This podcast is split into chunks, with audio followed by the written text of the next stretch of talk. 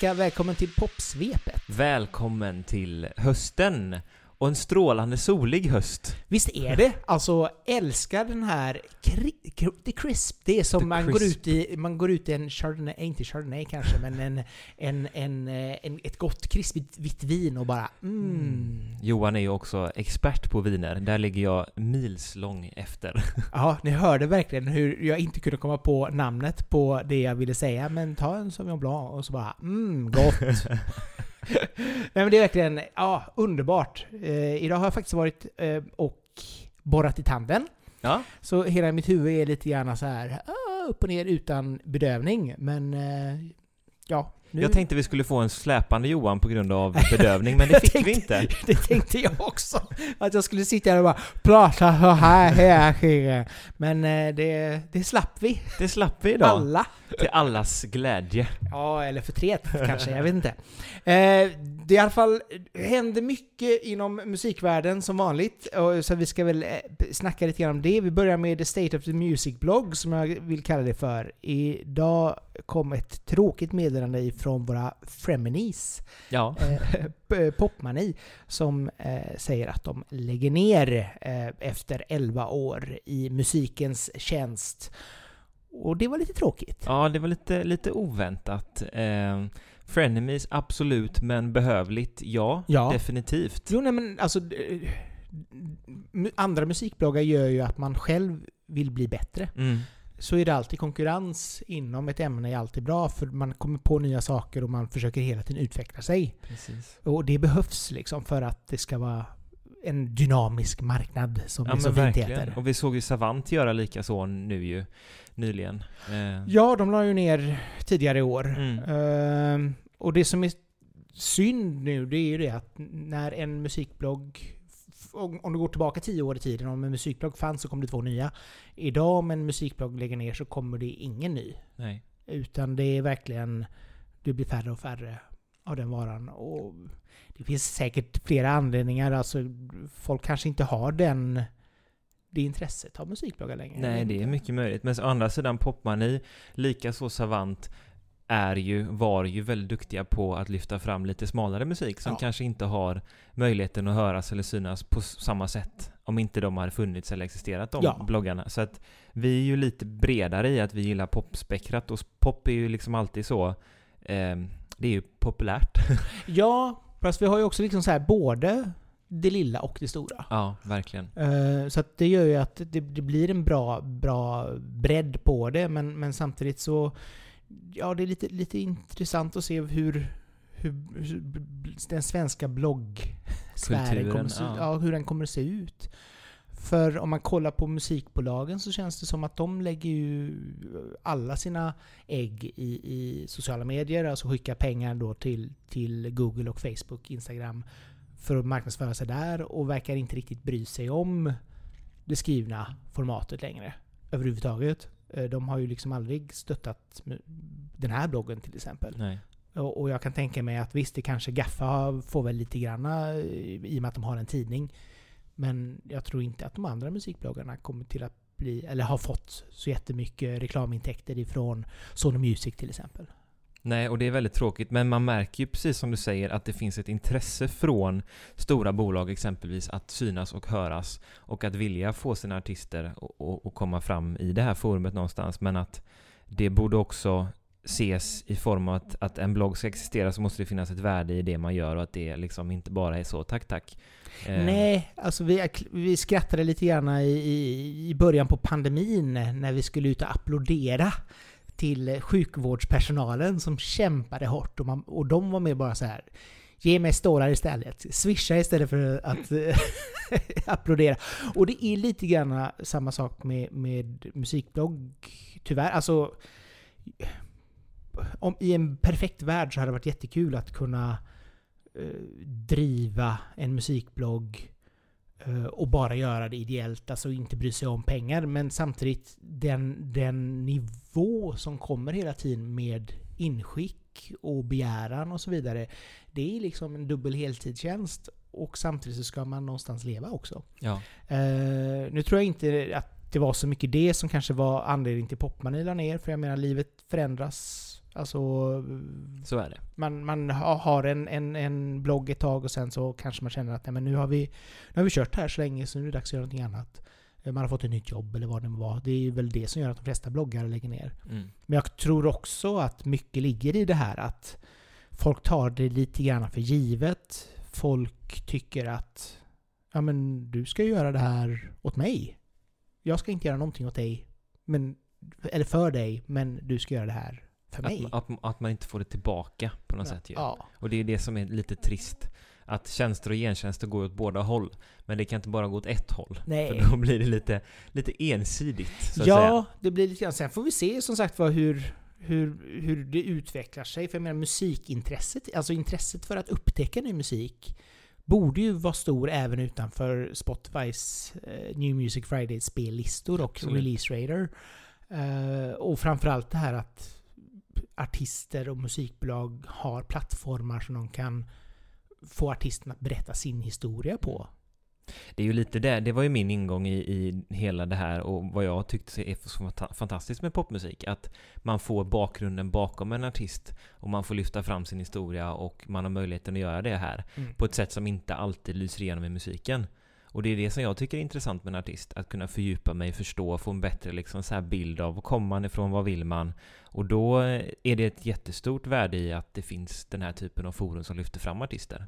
Ja, jag tror det är jätteviktigt för, för musikbranschen överhuvudtaget. Verkligen. Ehm, för jag menar, det, det, det går liksom inte bara att vara en, en TikTok-artist, vilket man kanske till slut bara blir då. Och då Mm. visar man upp liksom så här, åh det här gör jag nu. Och så vet man egentligen inte så mycket om artisten. Utan man blir den här låten i spellistan. Man blir liksom ingenting mer. Eh, så att jag tycker det är synd att Popmani lägger ner, för de har ändå liksom haft eh, de, har- de har också känt att de har varit intresserade och, och nyfikna på ny musik. Verkligen. Eh, vilket jag har uppskattat. Att, att det har funnits en passion för musiken och att de verkligen har jobbat för att lyfta fram nya förmågor. Eh, som, om, kollar vi idag, alltså... alltså det, det, om man bortser då från popmusik så är det liksom, vad är det, sex plattformar ungefär. Eh, som, som skriver om musik regelbundet. Alltså Nöjesguiden, Kulturbloggen, Zero, Kultmagasin, Gaffa, Hymn, Wawa. Wawa har inte uppdaterat på några, nästan på en månad. Så att jag vet inte hur, om hon kommer fortsätta med den eller Nej. vad det kommer bli där. Men, men ja, det, det är ändå ganska liten del om, om du går tillbaka bara, som sagt var tio år, så var det ju det tredubbla. Mm. Liksom. Det är en, en skrämmande utveckling någonstans ändå. Ja, alltså det, det, det, det finns ju inte, forumet finns ju snart inte längre. Och jag kan tänka mig att det kanske kommer några nya musikbloggar eh, på vägen, men lite gärna som, som Savant som också kom, och har, de har ändå funnits ganska kort tid innan de la ner, och jag tror nog att det handlar nog om att man måste ha det här drivet att hela tiden kunna ja, jobba mer än det första året eller första halvåret, Ja. utan det ska ju pågå länge, länge, länge. Och ja, det, och alltid vara hungrig efter ny talang liksom. Och, Ja. och så. försöka hitta. Ha örat mot marken som det så fint heter. nej men, ja, nej så att det är svårt. Jag tror nog att Sverige, i och med att vi är så otroligt duktiga på att skapa musik i Sverige, så behöver vi nog fler plattformar för att även presentera musik. Ja men det, det är färre scener än någonsin. Alltså jag som då är väldigt intresserad av att någonstans komma ut med min musik och få framträda nu är ju också väldigt begränsad i att det finns inte så mycket scener att framträda på där man hungrar efter artister och så. Det är begränsat. Det är svårt att, att hitta ställen att inte att spela på så, men forum att få, få framträda i där det är lite större forum så, så att säga. Ja, det kan jag tänka mig. Sen så känns det ju som att Göteborg är väl en ganska Ja. bra... Det, här är vi bra ändå. Ja. det är klapp på axeln. Ja, nej men alltså, nu öppnar ju skeppet för, för något år sedan som känns som en, ett, en, en bra scen för ny musik. Och vi har liksom restauranger som försöker köra uh, livemusik med jämna mellanrum. Men absolut, det, det, det finns ingenting som kanske... eh, Det finns absolut för de här små, små, men det finns ingenting så här mellanstort och det finns absolut... Ska du ha mycket större så, så finns inte så mycket här heller i och med att Skandinavium är det ju ingen som bokar in någonting på. Som Nej. vi var inne på Förra gången. förra gången. Mm. Nej, jag vill ju helst inte stå på små, små stenen då, scenen då. Jag får storhetsvansinne här. jag vill stå på lite större nu, känner jag. Ja. Eh, men, eh, nej men det, det är klurigt någonstans liksom med, eh, med att utbudet minskar och att, att det finns mer musik än någonsin. ja. Typ. Så. Jo, nej men det är ju det är en ganska konstig eh, ekvation ändå. Mm. Alltså, eller också så känner folk att ja, de eh, hoppas på sin Spotify-spellista och så är det det de står och faller på. Ja, och det är väldigt tråkigt för där kan man inte heller liksom bygga en bygga en artist på det sättet heller och det känns väldigt begränsat precis som du sa att man ska bygga på att det ska hålla många år. Ja. Och om man då ja, vill bli en TikTok-artist, ja men då kanske det håller i tre år. Typ. Ja. Fyra år max kanske.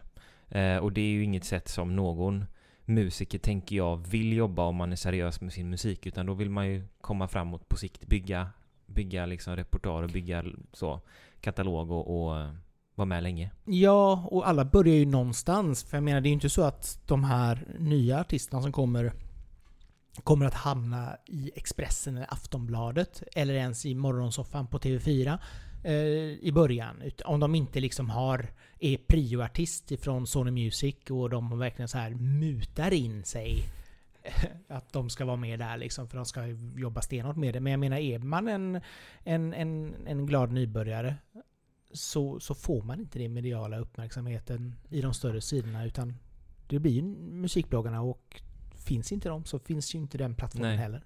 Så därav, eh, och det har jag märkt så tydligt liksom sen jag började vara med i popmusik, att den lilla artisten, den som är, liksom sitter hemma på sin kammare och gör musik, som sen vågar släppa något, som sen bygger en karriär, att få synas tidigt i exempelvis popmusik betyder jättemycket. Mm. Och det gjorde det för mig i början också. Och det gör det fortfarande. Att få ett fönster liksom som en artist som är någonstans oetablerad är ovärderligt. Mm. Så att därav är det liksom ett, i min värld ett måste att, att det inte dör ut liksom. Ja, nej, jag, jag, jag hoppas att folk ser värdet i det. ehm, och även då, som sagt var, i och med att det också är så pass få tidningar eller sidor, bloggar som, som skriver om det, så blir det ju också deras tid. Alltså, det är ju inte så att även om man skulle slå ihop liksom popmusik med hymn och gaffa, vi skulle ju inte klara av att, att skriva om allt som släpps ändå. Så att det är ju helt omöjligt. Utan det släpps så otroligt mycket varje vecka. eh, och det är så många röster som vill bli hörda. Att, att det behövs den här typen av, av journalistik inom citationstecken liksom för att man ska lyftas fram. Ja, precis. Och fortsätta och, och existera och att musiken ska röra sig framåt. För jag tänker att lika mycket så bolag och, och Spotify någonstans att de dominerar så är det ju lika viktigt att det finns en framåtrörelse på andra håll också som Ja. lyfter fram musik. Ja, det går ju ja, hand i hand på något sätt ändå. ja, men det är jätteviktigt. För lite grann som du var inne på där, det är ju många av de här mindre, alltså de nya namnen, de blir själaglada om man Mm. skriver någonting om dem. Eller till exempel liksom så här, bara det här att man skickar in sin första låt och så får man tillbaka liksom 15 stycken mailfrågor. Det är jättestort. Jätte, ja, verkligen. Ja, men också så väldigt charmigt. Alltså man blir glad för man på något sätt lyfter fram en, en artist som känns intressant och som har någonting att kanske leverera och kan bli någonting imorgon. Eh, så jag, jag tycker det är jätteviktigt att, att eh, den här typen av forum eh, får mer plats och kanske också mer hjälp och inte bara applåder för att orka dra igång det och dra det vidare. Mm. Jätteviktigt. Jag slår ett slag för det. jag är inte partisk. Nej, exakt. Nej men det är lite grann så här, det är tråkigt att Popparni lägger ner. Vi hoppas på att... Eh, men vi tackar så jättemycket Ja, på den tiden som har verkligen. varit. Skål för dem. Ja. Så får vi väl se vad, vad, vilken som blir nästa. Att gå i graven. Positiva klubben. Ja, nej men det är tyvärr lite grann så att det känns som att det, det går åt det hållet. Men eh, vi får hoppas att vi kämpar på så länge vi kan. Vi går vidare. Melodifestivalen. Har du skickat in en låt? Nej, jag gjorde inte det i år. Du gjorde inte det? Nej! Vi fick inte klart något. Ja, vi, vi släpper det. Du var Ja. inte den en av de 2824 bidrag. Nej, jäklar vad bidrag som skickades in. Jag hade inte velat sitta och sålla bland alla dessa. Vad gör man liksom? Här är ena högen, ja men vi delar den på mitten. De får inte följa med, men de här kan vi Mm. lyssna på. Nej men tänk dig liksom så här när vi går igenom musik varje dag till bloggen. Alltså det är inte... Det är, alltså den här högen vin och vatten. Mm. Just vinhögen är ganska låg. Ja. Så att man ska ju gå igenom väldigt mycket som man känner att äh, kanske inte. Nej, och då är 2824 bidrag ganska mycket. Om man ser till då P4 Nästa när jag var med, det var 800 totalt någonting. Ja. Här är det 2000 till. Ja. Wow! Ja, nej men det är roligt. Och, men framförallt så känns det ju också som att Melodifestivalen någonstans... Alltså intresset för att synas i Melodifestivalen gör ju också att, om vi går tillbaka till förra ämnet, är ju det här att det görs väldigt mycket musik och det finns väldigt få plattformar att få ut sin musik på. Och det är klart, börjar du med Melodifestivalen, då har du helt plötsligt eh, liksom så här 3 miljoner tittare. Mm. Det är en helt ny publik, en helt ny liksom, karriär som kan öppna sig och det har vi ju sett hur många som helst som har gjort via Melodifestivalen. Ja, ja, ja, Det är absolut. ett ovärderligt fönster, så det är ju helt förklarligt att det skickas in så mycket bidrag. Ja. För att det, det är svårt att synas, man måste igenom bruset och alltså någonstans har det ju varit lite skämskudde emellanåt Melodifestivalen, men det senaste har det ju varit mycket så. Alltså, nu ska vi lyfta fram, det här är chansen man har liksom för de nya artisterna att synas och nu, nu måste man någonstans prestera och det förstår jag. För att breakar man där så kan man också så här, ja men få en hel karriär med att åka runt en hel sommar och, och förhoppningsvis mer än det och kanske nomineras till priser. Alltså vi har ju sett massa sådana framgångshistorier via Melodifestivalen. Ja, ja, och samtidigt också så här, nu är ju inte de, alla de här nästan 3000 bidrag eh, bara en artist, utan det är ju också låtskrivare som, Ja. som på något sätt lite grann säkrar sin årsinkomst Ja. eh, via detta. Eh, har de liksom två, tre låtar i och det blir de här någonting hundratusen streams på varje, alltså det, det blir ändå lite pengar. Verkligen. Eh, sen kan det alltid bli mer, men, men det är ju ändå liksom någon form av, av grundplåt liksom för, eller grundläggning för, för ens inkomst också. Så att det är ju viktigt även för de svenska låtskrivarna. Ja men verkligen, både låtskrivare och artister, det är ju jätte, jätteviktigt. Och där ser vi ju kanske då att vissa överrepresenteras, men det har blivit lite bättre ändå.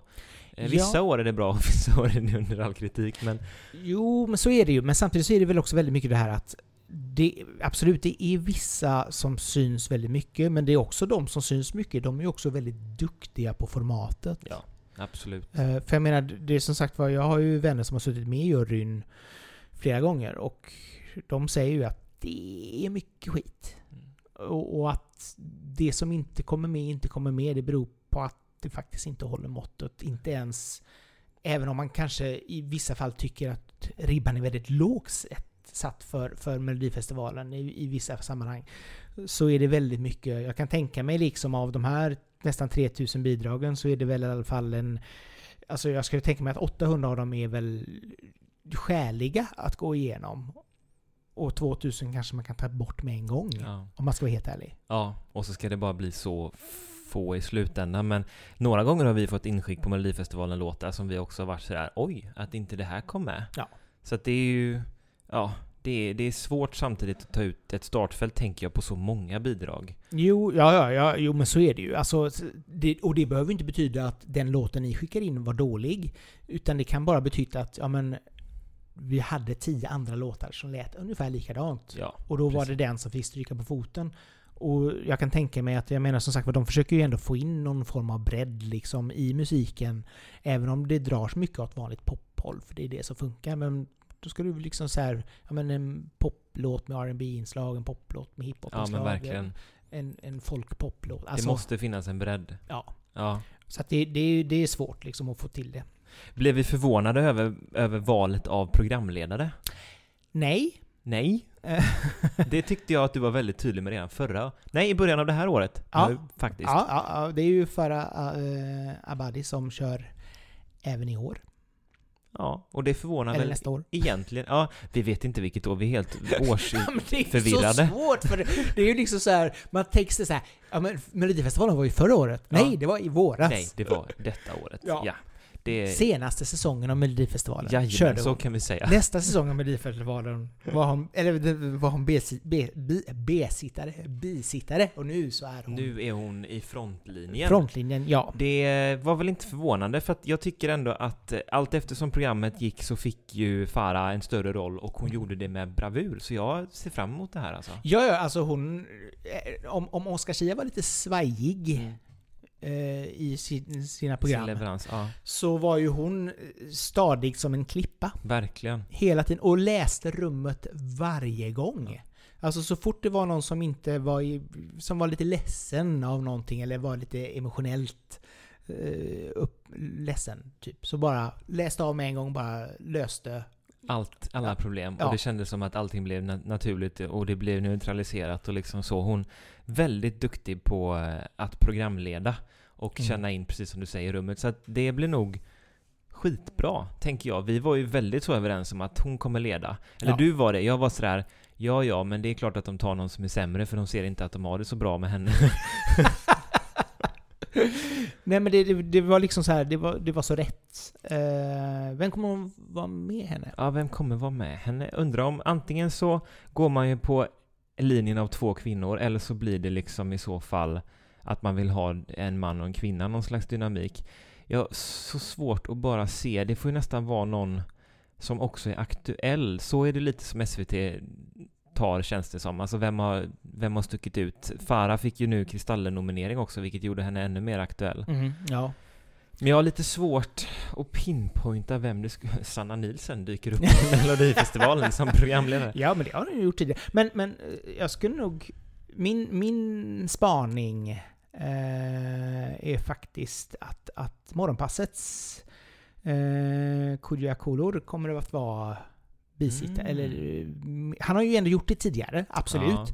Ja. Så att han är lite grann så här, visst, kanske inte det mest säkra kortet. Men jag tror att, att Melodifestivalen någonstans vill forma programmet efter det nya Melodifestivalen då med, med Karin i spetsen, vill forma programmet efter P3 och deras profiler. Och, och liksom så här försöka hitta eh, kvalitet in-house. Mm, ja men verkligen, han har ju gjort det väldigt bra också under Musikhjälpen och så ju. Ja. Eh, så det, det är väl inte helt orimligt. Eh, är faktiskt en väldigt, väldigt bra spaning. Jag tänker vilka hade han som gäster förra året? Eva Rydberg? Nej, alltså... jag spårar märker ja, jag. nej men det, det, alltså jag... Sen vet jag inte, alltså... Det beror lite grann på vad Farah hade för... Om hon hade någon bis... Eller Hon bisittare kanske kan ställa krav också vad hon vill ha. Ja, jo det är sant, men hon kanske jobbade med någon som hon jobbade väldigt bra med eh, på din gata. Jag vet inte, alltså att man Mm. försöker liksom så här få ihop det på något sätt. Men jag tror nog att vem den blir så tror jag nog att det blir antingen en redan etablerad eh, eller en up and coming kan det också vara, men Mm. någon form av SVT, Ja, SR-profil. inom den familjen så att säga. Ja. Ja. plockar därifrån. Ja, och jag tror nog att det, för det, det är ändå en väldigt bra skola för, Ja men verkligen. för detta. Ja. Nej men det, jag, jag hade absolut ingen kvalificerad gissning här. Det, det kände jag det. Men eh, vi går på Johans spår så får vi väl se vad, när det annonseras. Det är ju inget datum om när den andra kommer att presenteras än ju. Nej, och nu har de ju... I sin vana trogen så brukar de väl liksom portionera ut information under, under hösten. Eh, och jag menar det kommer ju bli... Nu är det ju en och en halv månad ish som de ska grotta ner sig i musiken och hitta liksom de här 27 bidragen Ja. eller 28 eller vad det nu är. 28 är det väl. Eh, Erik Sade?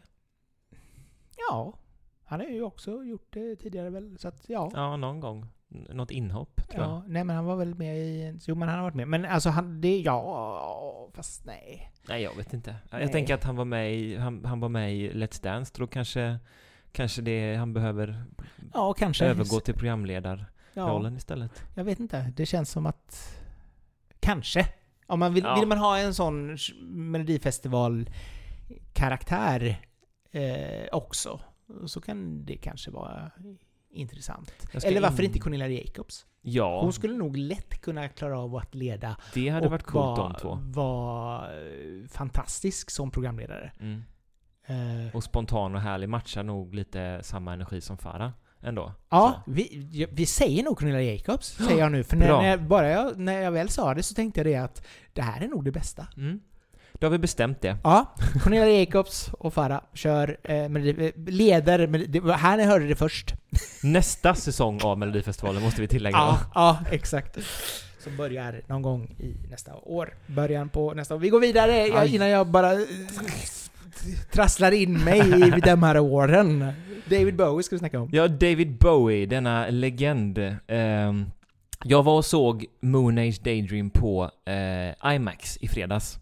Det var häftigt. Var det just för att det var IMAX eller var det Nej en men? IMAX-effekterna var inte så liksom häftiga eftersom det var klipp. Alltså så här.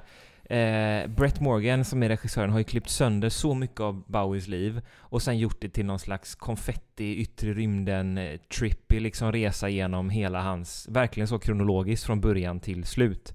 Eh, och det är ett liksom magnifikt collage av hela hans liv bara. Alltså så här, det är så... Dessvärre så märkte jag på de äldre, för det var ju övervägande äldre publik då, så satt jag där som ett litet glatt... Eh, Lamm. ja, och bara tjoho, vad skoj. Eh, men att de tyckte att det var lite jobbigt med klippningen, för det gick så fort och det var så mycket och liksom sådär. Det var verkligen LSD-trippy-känsla. Oj. Eh, och vissa... De kommer inte ihåg känslan från 60-talet när de var det- med själva. De, de, de märkte det, att vissa var liksom så nästan blundade och höll för öronen. Det är ju jävligt bra ljud också på IMAX. Första ja. IMAX-upplevelsen för min del. Oj! Sen var ju bilden som sagt då lite, eftersom det är gamla klipp och sånt. Så att eh, jag ska nog gå på IMAX igen när Avatar kommer, tänker jag. Jag, jag såg eh, Interstellar på IMAX i USA. Ja, häftigt. det var eh, upplevelse. Ja, det kan jag tänka mig. Men fortsätt med Bowie. Nej, men det var en helt otrolig eh, klippning och det var en helt otrolig upplevelse att se det så eh, i, i någon slags radda av hela hans liv, hur han tänkte, hur han var, att han var så normbrytande och han, han hade en sån stor kreativitet, alltså också det här att han var konstnär och målade Mm. så pass mycket och det liksom förde han in i sin musik och jag har ju alltid gillat honom eftersom pappa har varit galen i liksom eh, Bowie så, men att se det så ihopklippt Eh, och att han var så, ja men en udda fågel var väldigt, väldigt häftigt och väldigt inspirerande. Jag tar med mig väldigt mycket liksom det här att han dyrkade livet och att man ska göra det som man känner för och inte följa normer. Och det känns som att det också behövs i våran samtid nu, mera av det budskapet på något sätt. Eh, så att det här, den här filmen kändes som att den både var aktuell nu, en hommage till honom och hans liv, men sen också väldigt inspirerande på något sätt för de som skapar musik. Så jag tycker typ alla som är, som är musikskapare ska gå och se den. Ja, men Bowie har, har ju alltid influerat, inspirerat. Verkligen, och gör det Eh, fortfarande. Ja, alltså både liksom mode, eh, Mm. konst och, och musik framförallt. Mm. Så att han har ju alltid varit i ropet på det sättet. Ja. Men jag tycker verkligen att eh, jag kan starkt rekommendera att gå och se eh, filmen. Och, och det är ju liksom någonstans i den tidsåldern. Jag trodde ju först någonstans när vi pratade om det förra året, så här, vilken kommer bli nästa biografi om någon artist? Då pratade vi om David Bowie eller typ Michael Jackson eller något Mm. kanske. Jackson blev väl sen lite inaktuell kanske, men eh, sen kom ju Elvis istället Ja. och blev en biografi och Aretha Franklin och liksom så. Så Bowie kanske mer hålls eh, i eh, orörd från det formatet. Men eh, det känns som att hyllningarna till stora artister är verkligen den tiden vi befinner oss i just nu. Ja, och framförallt så är det väl också lite gärna eh, återigen musikbranschen som den har ändrat sig. Att Mm. vi har inte den här typen av ikoner längre. Alltså visst, vi har stora artister. Eh, men, men vi kanske inte har alltså, den, den typen av artister som alla känner till. Alltså alla vet vem Bowie är. Mm. Eller Freddie Mercury. Eller Elvis. Mm. Men alla kanske inte vet vem Shawn Mendes eller Nej men precis, nej. Ed Sheeran Men ändå är görs det ju liksom. filmer om dem. Jag tänker Billie Eilish satt upp en film, Justin Bieber i och för sig är ganska känd. Ehm, och Shawn Mendes har väl också gjort någon filmatisering där man följde hans liv och konserter och sånt som kom på Netflix. Jo, fast det är också, det är liksom inte den här... alltså, Det är inte ikoniseringen. Inte, det är ju, det är ju inte den här typen av biopic som du Nej. har med, med Bohemian Rhapsody till Nej exempel. exakt. Att, eller, eller Rocketman liksom. Där man verkligen får en, en ordentlig biografi om artisten mm, av andra skådespelare. Där är det ju mer liksom en dokumentär. Mm. Eh, man följer liksom artisten under eh, arbete med, med sin produkt. Ja, men det känns precis som du säger att det är en, det är en, en spegling av våran samtid också med att man måste hitta nya sätt att då lite, ja men, ja men musik har ju liksom eh, ändrat på sig så då måste man hitta andra vägar liksom och då musikfilm är väl fantastiskt. Ja, jag tycker det är kul. Alltså det har ju funnits musikfilmer. Alltså den... Alltså, El- eller vad heter de? Beatles har gjort jättemycket musikfilmer Ja. och så vidare. Spice Girls the Movie. Alltså, eller Spice World heter den väl. eh, Sådana saker har ju funnits hela tiden. Och britterna har ju varit väldigt duktiga på att göra detta. Det känns ju som att det här är ju en ganska rolig eh, mellanting mellan Ja, typ dokumentär och, och live action, hej och hå. Ja, det är, en, det är en väldigt så att man mältar ihop många olika typer av delar av vad man har gjort innan till en enda stor liksom helhetsupplevelse. Så att det var väldigt häftigt att se. Vad skulle du sätta den som betyg på den om du skulle...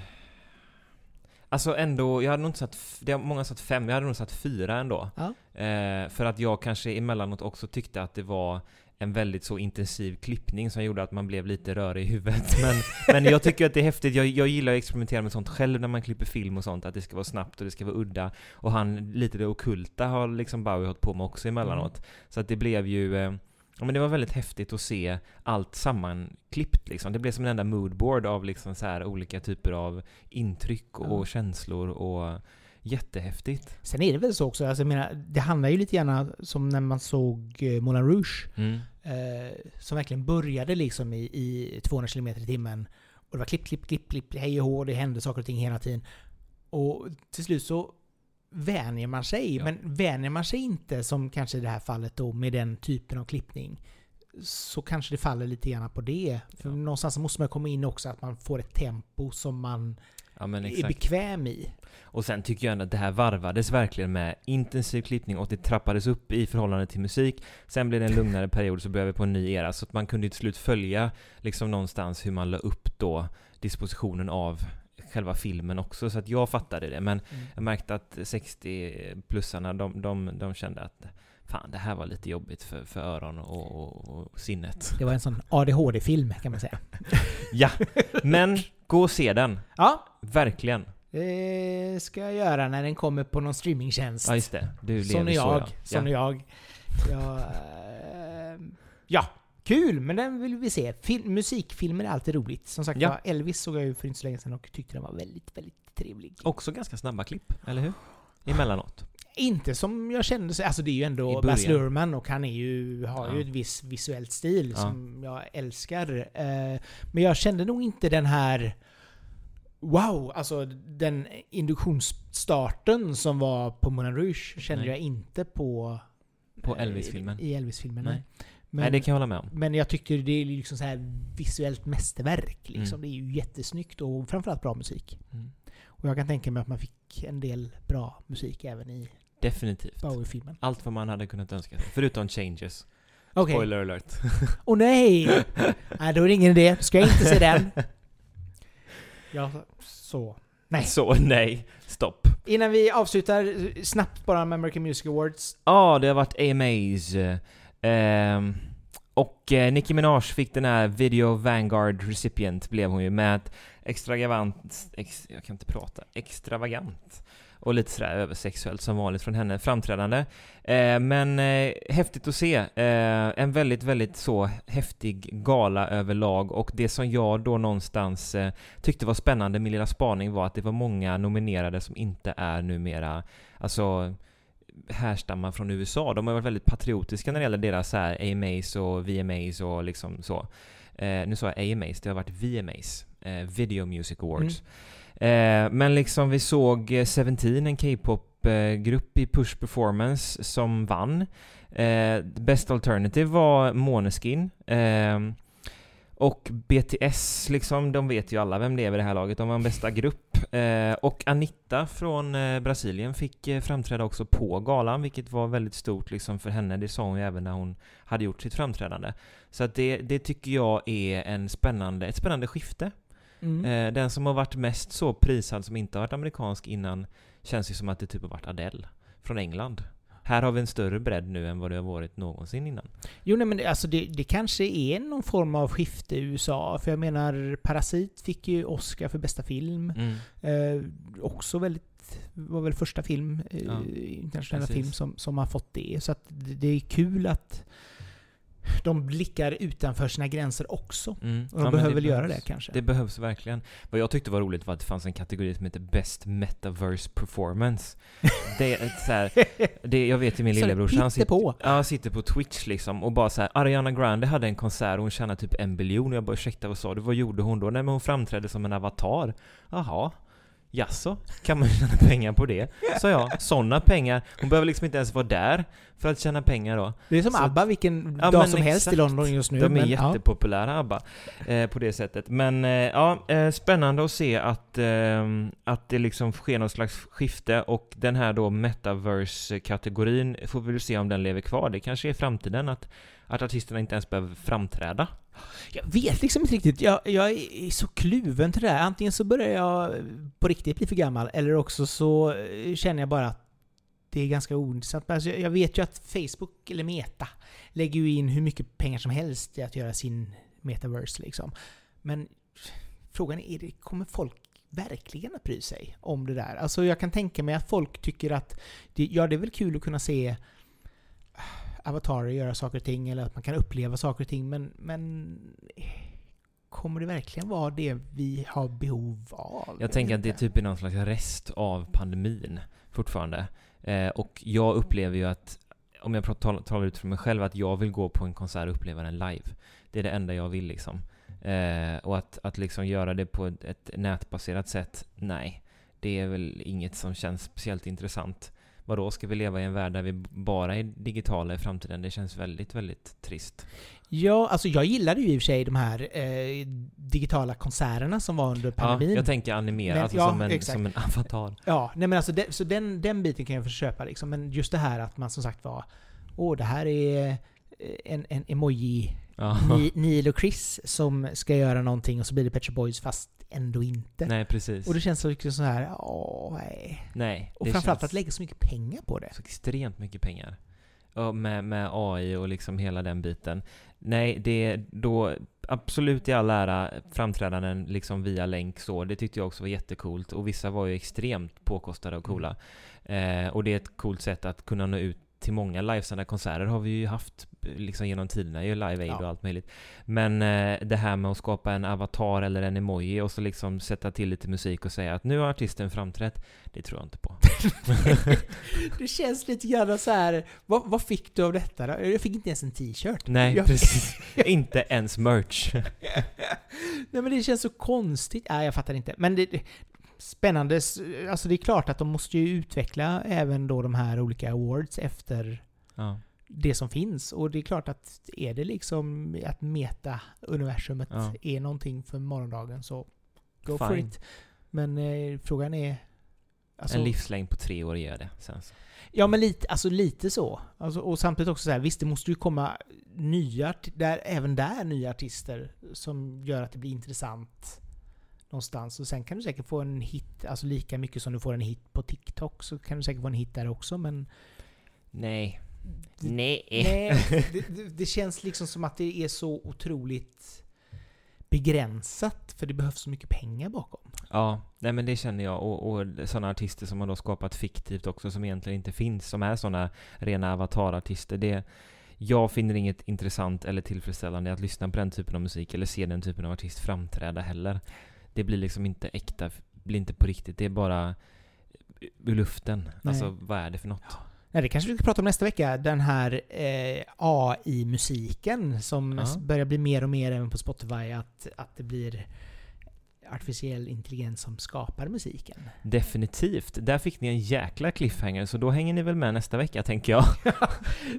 Det får ni göra. Och så får vi springa ut som en, en, en, en bagge och ett lamm. ut i solen och bara njuta. Bä. Ja, jag ska ut och njuta. Ha det gott! Ha det gott! Hej!